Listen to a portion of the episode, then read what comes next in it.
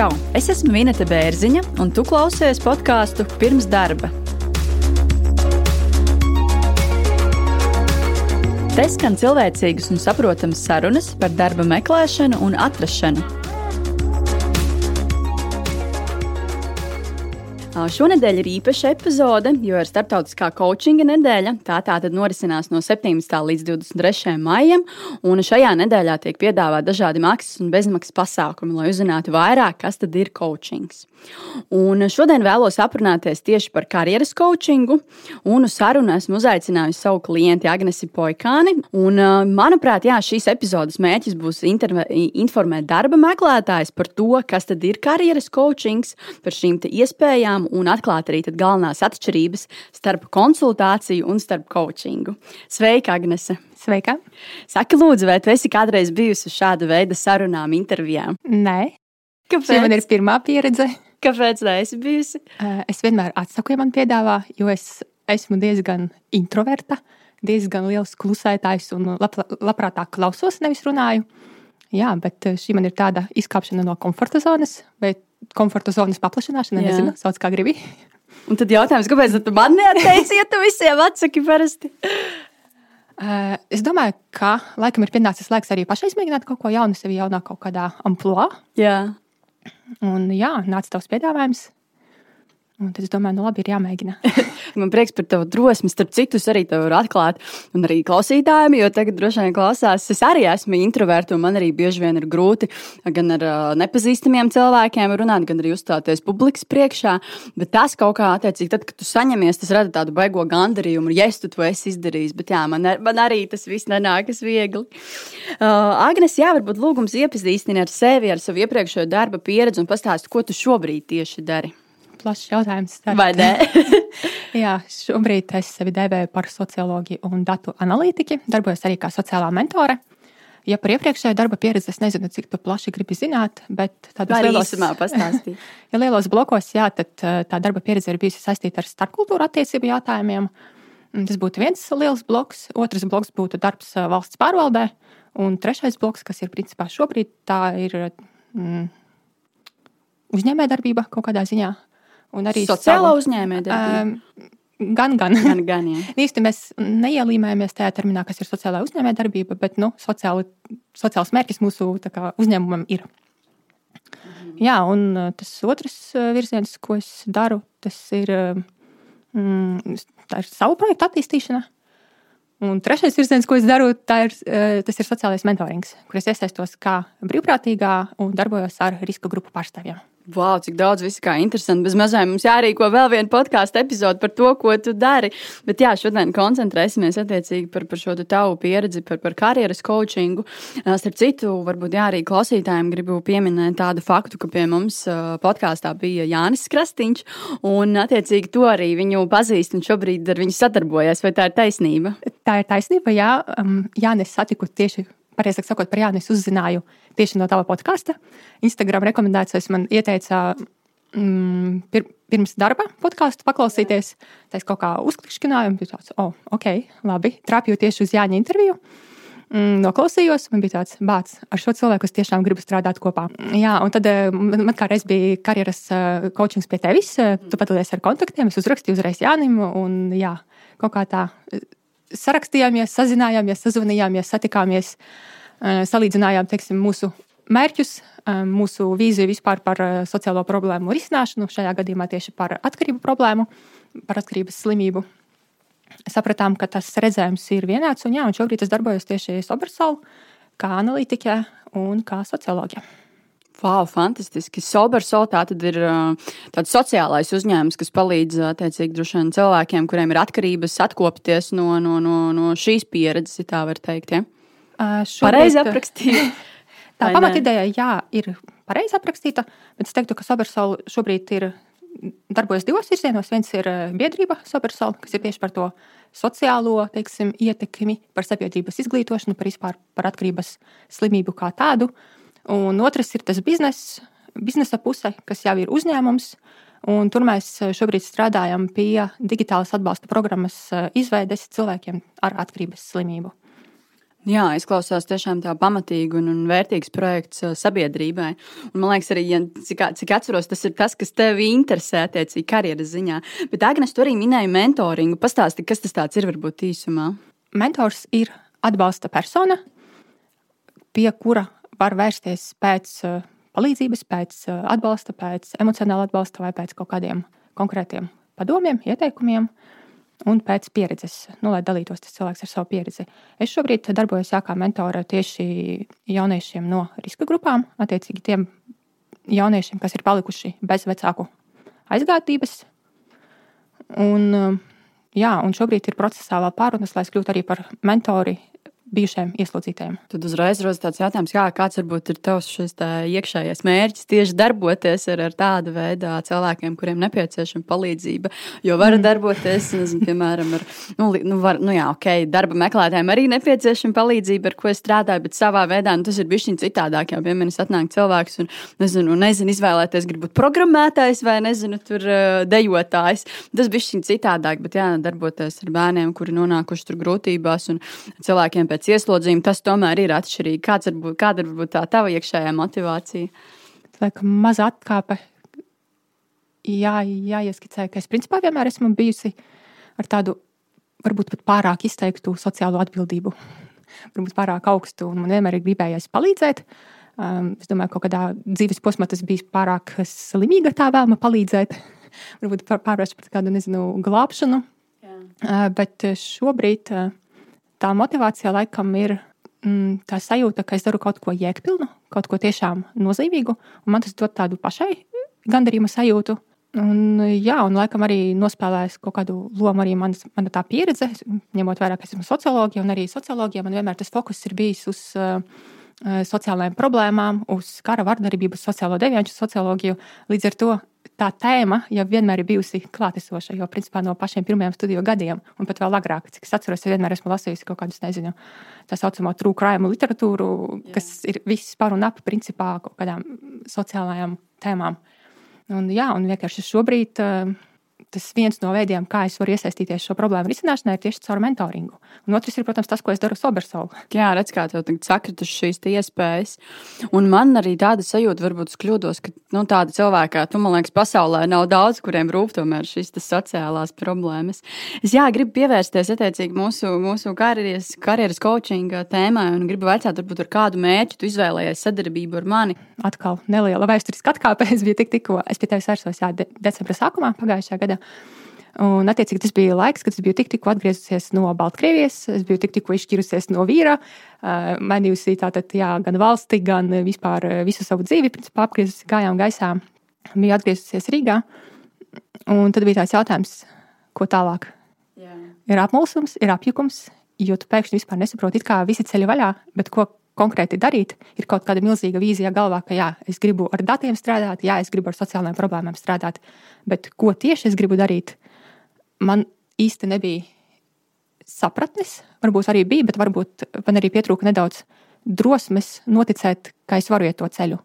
Ka man nav jāatgriežas oficiālā darbā no 9 līdz 5, ka es varu tomēr to ceļu veidot pati. Un man tieši nu, tas arī laikam, bija tas galvenais iemesls, kāpēc es izvēlējos tieši karjeras coachingu, nevis konsultācijas.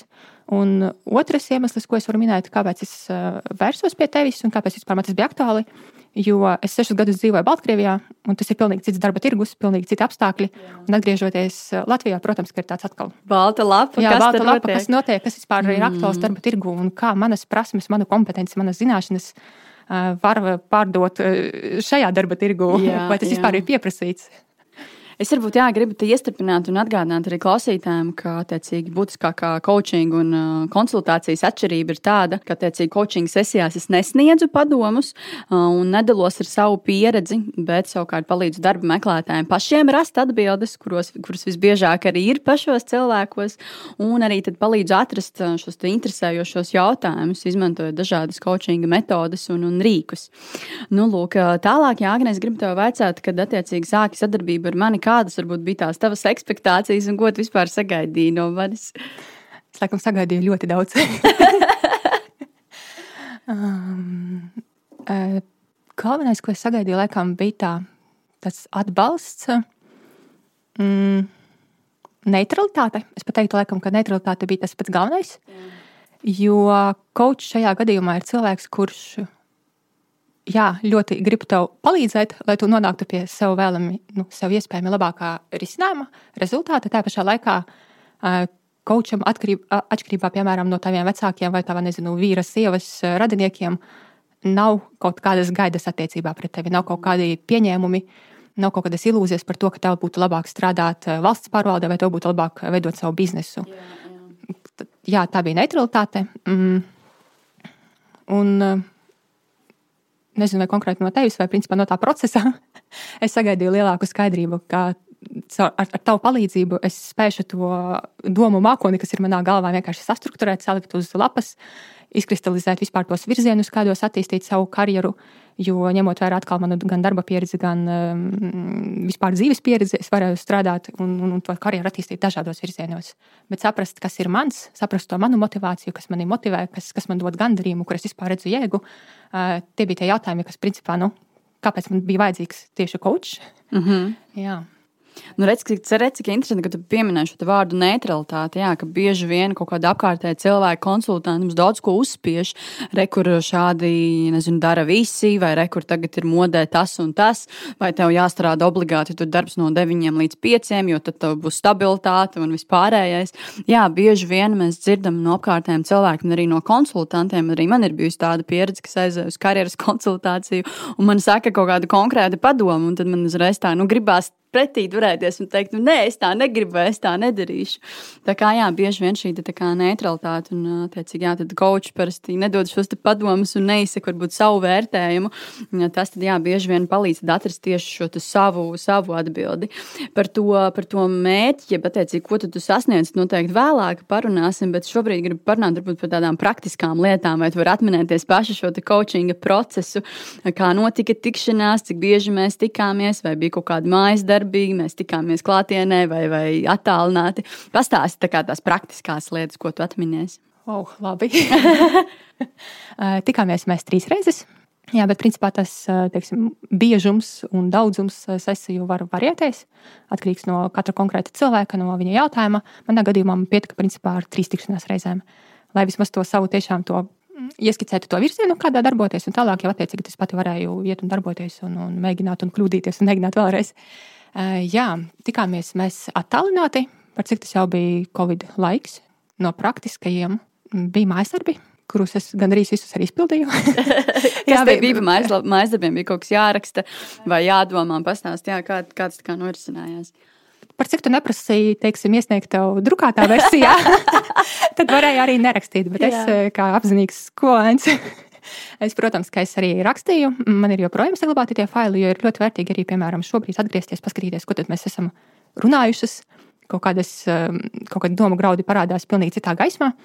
Mm, jā, mājasdarbi bija pēc katras sesijas, un kas man patika, ka tur arī tos mājasdarbus piemeklēja kaut kā ļoti atbilstošus. Nu, ka, piemēram, šajā gadījumā tur būtu forši paskatīties, piemēram, bija kaut kādi jautājumi piemēram, par motivāciju. Mm -hmm. Bija jautājumi tur atkal par kaut kādām kādiem uzņēmumiem, kuras, kam es varētu piedāvāt savus pakalpojumus. Nu, kaut kādi tiešām tādi ļoti, pirmkārt, praktiski. Praktiski kaut kādu uzdevumu. Jā, praktiski uzdevumi. Un tiešām tas uzdevums izriet no tā, ko mēs esam pārunājuši sesijas laikā. Ka tas nav vienkārši tā no zila gaisa paraugs, ka nu, man šķiet, ka vajadzētu iedot. Es tik visiem dodu, un tev arī iedodu. Jā, jā, jā tas nav kaut kāds tāds, nu, ka tā nav šablona domāšana un tā nav šablona pieeja. Tu tiešām katram klientam piemeklē to labāko tehniku, kas viņam tiešām palīdzētu. Tas bija ļoti vērtīgi. Jā, man patīk mākslinieckība. Man principā patīk, nu, ka tu no tās sesijas izēji, un tev ir vēl tas turpinājums. Tad tu mājās strādā patstāvīgi. Jā, jā. Un nākamajā sesijā jums atkal ir materiāls, par ko parunāt, ja ir nepieciešamība. Vai, piemēram, arī e-pastā sarakstīties, izrunāt kaut kādus jautājumus.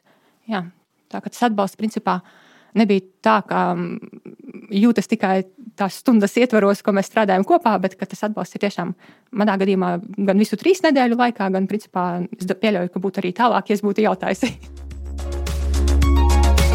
Saruna ir pusē. Ja esi noklausījies tik tālu, tad iespējams kaut kas no dzirdētā tevi uzrunāja. Varbūt tev pašam ir savs stāsts vai padoms, kas var interesēt mana podkāstu klausītājus. Aicinu arī tevi podkāstā, raksti man, kontaktus atradīsi epizodes aprakstos un sociālajos tīklos. Bieži vien um, cilvēki domā, ka nu, es aiziešu pie konsultanta vai koča tur uz divām, trim stundām, un visas manas problēmas atrisinās, un pašam neko nevajadzēs darīt. Tad jā, man tāds jautājums tāds, cik daudz ir jāstrādā tieši pēc šīm sesijām, cik daudz ir jāiegulda darbs, nezinu, tur mājas darbiem, refleksijai, kaut kādai sevis attīstībai, kaut kādām dom, domāšanai, darīšanai, cik, cik tas procentāli varbūt iedalās? Rekuri coaching sesijas, procentālais iedalījums, un otrs procentālais iedalījums ir darbs pēc tam, kā tu to sadalītu procent, procentuāli. Tas datu cilvēks, domāju, nebūs sarežģīts priekš tevis jautājums. Es pat īstenībā teiktu, ka darbs eh, pēc sesijas ir eh, noteikti aizņem lielāku daļu, vismaz procenti 70, vismaz manā gadījumā. Varbūt atkal tāpēc, ka esmu tas cilvēks, kurš eh, roka dziļi, kuram vajag aizrakties līdz tai problēmas būtībai, saprast, izanalizēt, padomāt vēl un tiešām pasēdēt, varbūt klusumā, pierakstīt, nezinu, nu, vismaz manā gadījumā, tiešām tas darbs pēc, es domāju, ka aizņēma tiešām lielāku daļu. Mm. Nu jā, bet tas atkal atkarīgs no katra cilvēka. Uh, Varbūt kādam pietiek, ka viņš sesijas laikā dabū ah, momentu, jā. un viss viņam viss ir skaidrs, viņš iet tālāk eh, darīt. Jā, jā. Nu šis jā, ļoti interesanti, ka tu minēji, jā, attiecīgi, tev pašā darbs jāiegulda 70% no šī visa darba, tātad 30% tikai aiziet coaching sesijās. Man ir bijusi tāda pieredze, ka, attiecīgi, es ar cilvēku iepazīstos un stāstu jā, par coaching, stāstu to, ka tev vismaz 60-70% būs jāvelta pēc tām sesijām un jāstrādā ar sevi. Un ir tādi cilvēki, kur pasaka, tā kā nepaldies. Viņi grib grib attiecīgi, lai tev ieliek kaut ko ar karoti mutē, jau pasaka, kā tev darīt, vai iedod kaut ko gatavu. Un, man liekas, tas tā kā nestrādā. Ja tev pašam nav šī vēlme darboties, strādāt un darīt, nu, tur, tur nebūs nekāda tā rezultāta. Es to piekrītu, jā, un tas ir liekam jautājums arī par motivāciju. Jā, Cik noteikti. ļoti tu gribi tās izmaiņas savā dzīvē?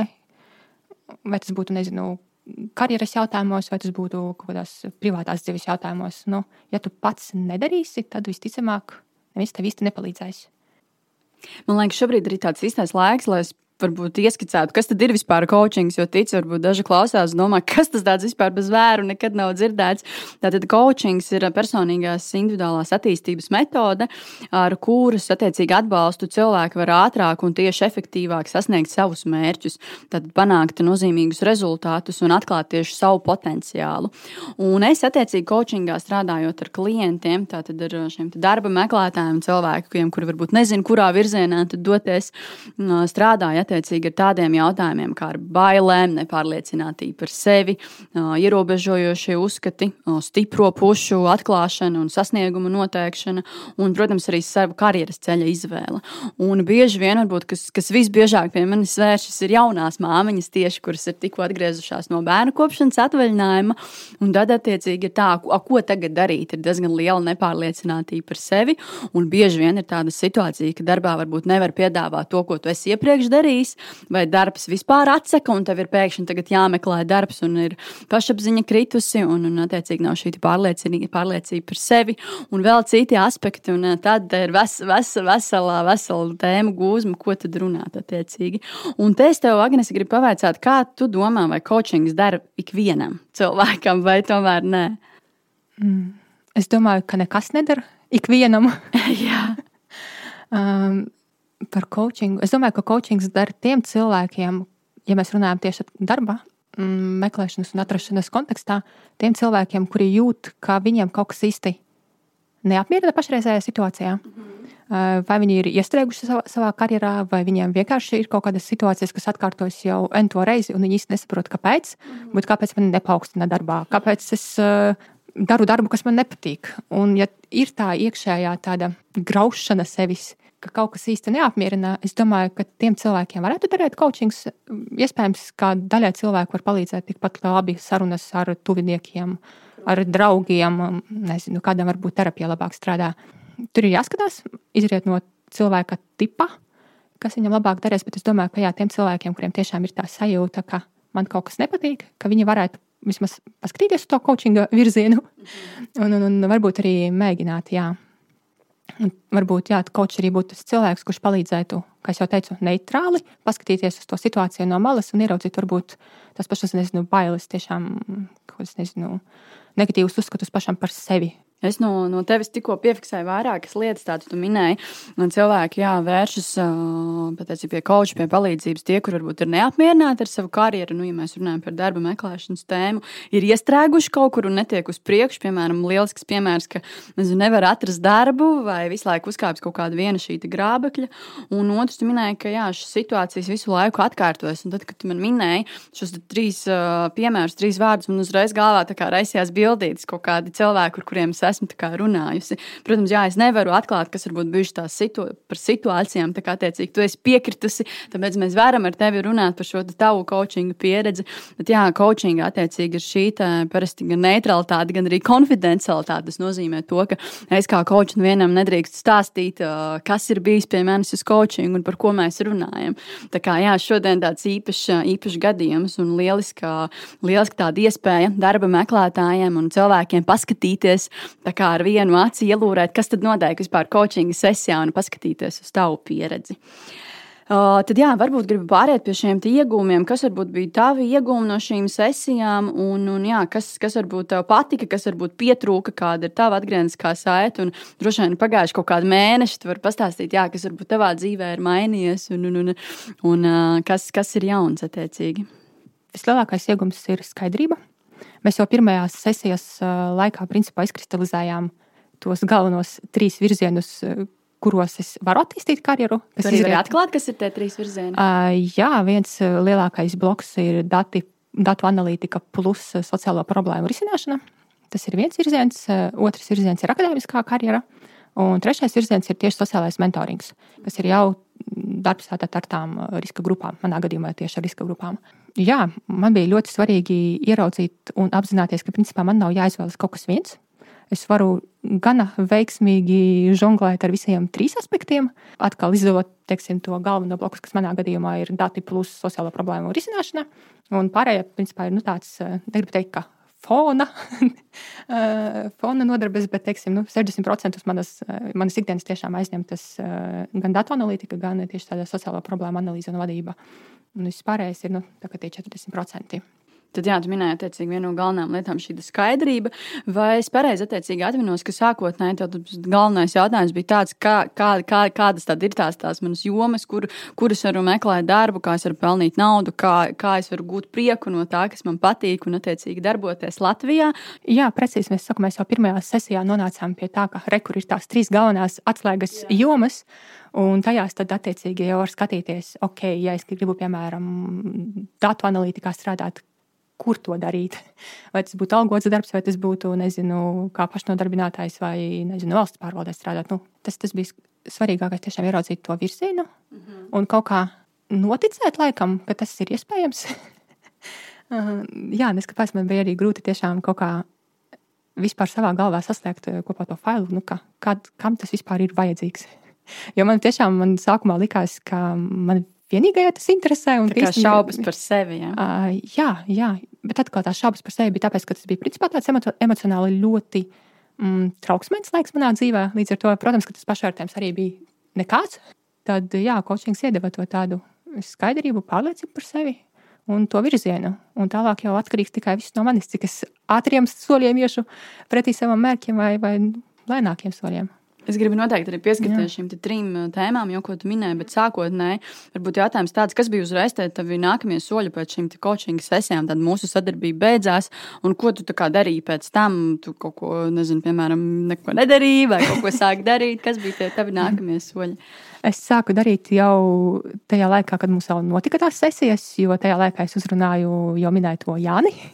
no Soversola. Jā, līdz ar to burtiski jau mūsu sesiju laikā mēs sākām mūsu sadarbību ar janvāri. Mēs arī, kā Soversola, iesaistījāmies arī sociālās uzņēmējdarbības akceleratorā Ņūdor.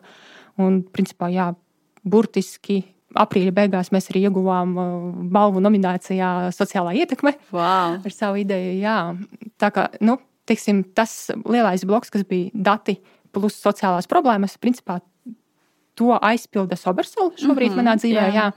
Uh, par sociālo mentoringu es arī sāku gana laicīgi meklēt vispār idejas, ko es varētu darīt, jo man bija skaidrs, ka tas būs vairāk tāds um, uh, brīvprātīgais darbs, ka tas nebūs tas teiksim, veids, kā es pelnu naudu.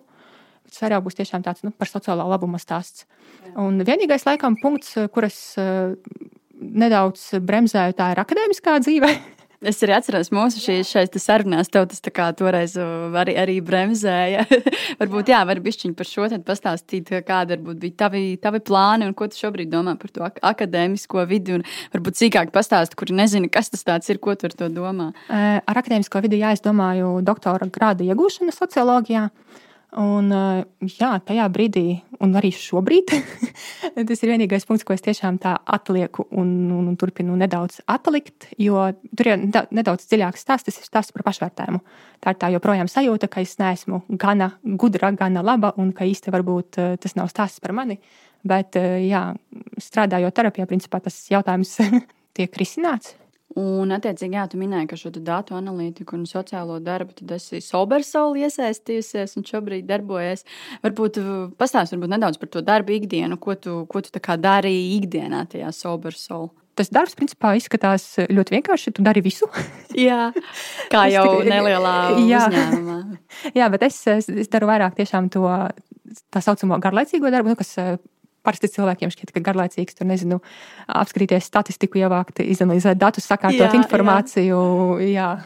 Tev tas rada prieku. Jā? Man tas rada prieku, jā, un es attiecīgi izvairos varbūt no tiem darbiem, kas ir vairāk uh, par un ap pārdošanu, par idejas prezentēšanu, jā. kur tiešām labāks, labāks padodas manam kolēģim Jānim. Jā. Es vairāk esmu tas klusais papīra cilvēks. Bet redz, kā tu minēji, ka tev interesē arī nu, tas, mm, neatceros, cik tu minēji, 30 vai cik tur tie procenti kā darbs arī ar cilvēkiem. Tad šis jā, sociālais jā. mentorings. Pastāst, varbūt, jā, cik tālu ar šo esi tikusi. Tu minēji tādu cilvēku, kuri atgriezušies no ieslodzījuma, nu, ieslodzījuma minēja bērnus, attiecīgi, kuriem ir jauniešus, jauniešus attiecīgi, kuriem ir kaut kādas problēmas ar vecākiem, cik es saprotu. Ja, nu, Mm, tie ir jaunieši, kas, ir, kas dzīvo principā aprūpes eh, namos. Kur tu ar šo esi šobrīd, un vai tu esi kaut kur iesaistījusies? Es, jā, es esmu iesaistījusies. Ir tāda organizācija Mentor Latvija. Viņi arī organizē to mentoringa programmu tieši jauniešiem, kuriem trūkst emocionālais atbalsts. Un, jā, burtiski arī salīdzinoši nesen, jo tur bija diezgan ilgs tas atlases process, izvērtēšanas process, tad tur jā, interviju process, kamēr tu vispār tiec pie tā darba. jā, un, un, un man jau ir bijušas jā, dažas eh, tikšanās ar manu mentorēmo jaunieti. Eh, jā, detaļas es laikam īsti nevaru atklāt. Nu, visticamāk, jā, nevar, jā, jā. Par cik tas arī viss ir gana konfidenciāli.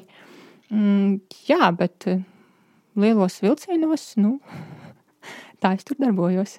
Kādi, kādi ir tavi nākotnes karjeras plāni, mērķi, vai esi domājis arī uz, uz, uz nākotnes skatu? Uh, virzienu? Tieši mentoringā vai vispār kopumā? Vispārīgi, kopumā, karjerā, nezinu, darba meklēšanas sfērā un tā tālāk. Oh, grūts jautājums, jo šobrīd man patīk teiksim, tas formāts, kā es dzīvoju, strādāju šobrīd. Man ļoti patīk tas salīdzinoši brīvais grafiks, kad es pati varu sev noteikt, kad es gribu strādāt ar cilvēkiem, kad es gribu strādāt ar datiem. -hmm. Jā, tāpēc, bet es neizslēdzu iespēju, ka, piemēram, pēc dažiem gadiem es gribētu atgriezties, piemēram, strādāt valsts pārvaldē kā piemērs. Mm, līdz ar to, bet šobrīd, jā, šobrīd man patīk tāds formāts. Esmu uzsākusi arī dažus savus tādus sirds projektus, kas ir gan online grāmatu veikalā izveidē, gan ceļojumu bloga izveidē, kur dalīties ar savām ceļojumu bildēm, konkrēti ar ielu mākslas bildēm, jo tas ir vienīgais, ko es principā ceļojuma laikā fotografēju. Man liekas, arī Instagram kontā tavā var redzēt jā, šos tā, jā. nu, grafiti un ielu mākslu un šo tā, mūs, nu, mūsdienīgo mākslu. Jā, jo vēl atkal ielu mākslā interesē vairāk tieši tas eh, sociālais, politiskais un vēsturiskais konteksts, kā tas konkrētais mākslas darbs ir radies. Jā, jo to vispilgtāk, protams, es redzēju un novēroju Baltkrievijas eh, situācijas, eh, Baltkrievijas protestu sākumā. Kad principā Baltkrievija ir ļoti sterila, pat teiktu, pārāk sterila pilsēta. Un pēc prezidenta vēlēšanām, kas bija pagājušā gada 9. augustā, tad, kad tu izēji ārā uz ielas, tu pēkšņi redzi, ka tā pilsēta ir vienkārši noklāta ar kaut kādiem uzrakstiem, ar grafiti un, un tā tālāk. Tad pēkšņi, wow, tā tas strādā. pēkšņi vienā dienā viss mainās. Nu jā, redz, cik interesanti. Paldies, ka padalījies ar to, ko tu šobrīd dari. Lielas paldies tev par atklātību un ka tu dalies šo savu iekšējo procesu coaching sesijās. Ticu, ka nav viegli arī atklāti par to padalīties. Un liels paldies, ka piekriti vispār. Tā kā arī man šī bija lieliska tāda iespēja arī no tevis dzirdēt atgrieznisko saiti un arī ticu, ka klausītājiem bija ļoti interesanti ieskatīties, kā tad izskatās varbūt coachinga sesija un kā, kā, kā tev ir gājis attiecīgi šajās sesijās. Vēlu veiksmes karjerā un visā, ko tu dari. Man liels prieks, ka tu darbojies arī sociālos projektos. Un jā, arī prieks, ka varbūt neesi nevienu paklausījusi un nevusies darbā no 9 līdz 5, ko tu noteikti negribēji darīt. Jā. Tā kā vēlu veiksmus un izdošanos. Un, un vēl tāds pēdējais jautājums, kā varbūt bija vai, vai, vai nebija nemaz tik traki, kā bija iedomājusies, jo tu teici, ka tev bail intervēties un nav pieredzes, un, un, un kādas bija tās sajūtas? Nu, nebija tik traki. Nebija tik traki. Es teicu, ka nebija tik, tik traki. traki. es domāju, ka arī savu lomu nospēlēja tas, ka mēs bijām jau tikušās uh, online. Jā, jā. Nu, tas nav tā, ka tu atnāc pie pilnīgi sveša cilvēka. Nu, jā, nu, jā. Jā. Nu, super. Jā. Paldies, Lielas Agnes, lai tad foršs vakars. Paldies, Paldies ka uzaicināji. Tu noklausījies podkāstu pirms darba. Lai nepalaistu garām nākamās nedēļas epizodi, seko maniem ierakstiem LinkedIn un Facebook. Abonēt jaunās epizodes un noklausīties iepriekšējo sezonu intervijas var visās podkāstu platformās un YouTube.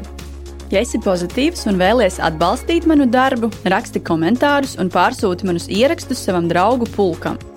Uz tikšanos podkāstā pirms darba! Thank you.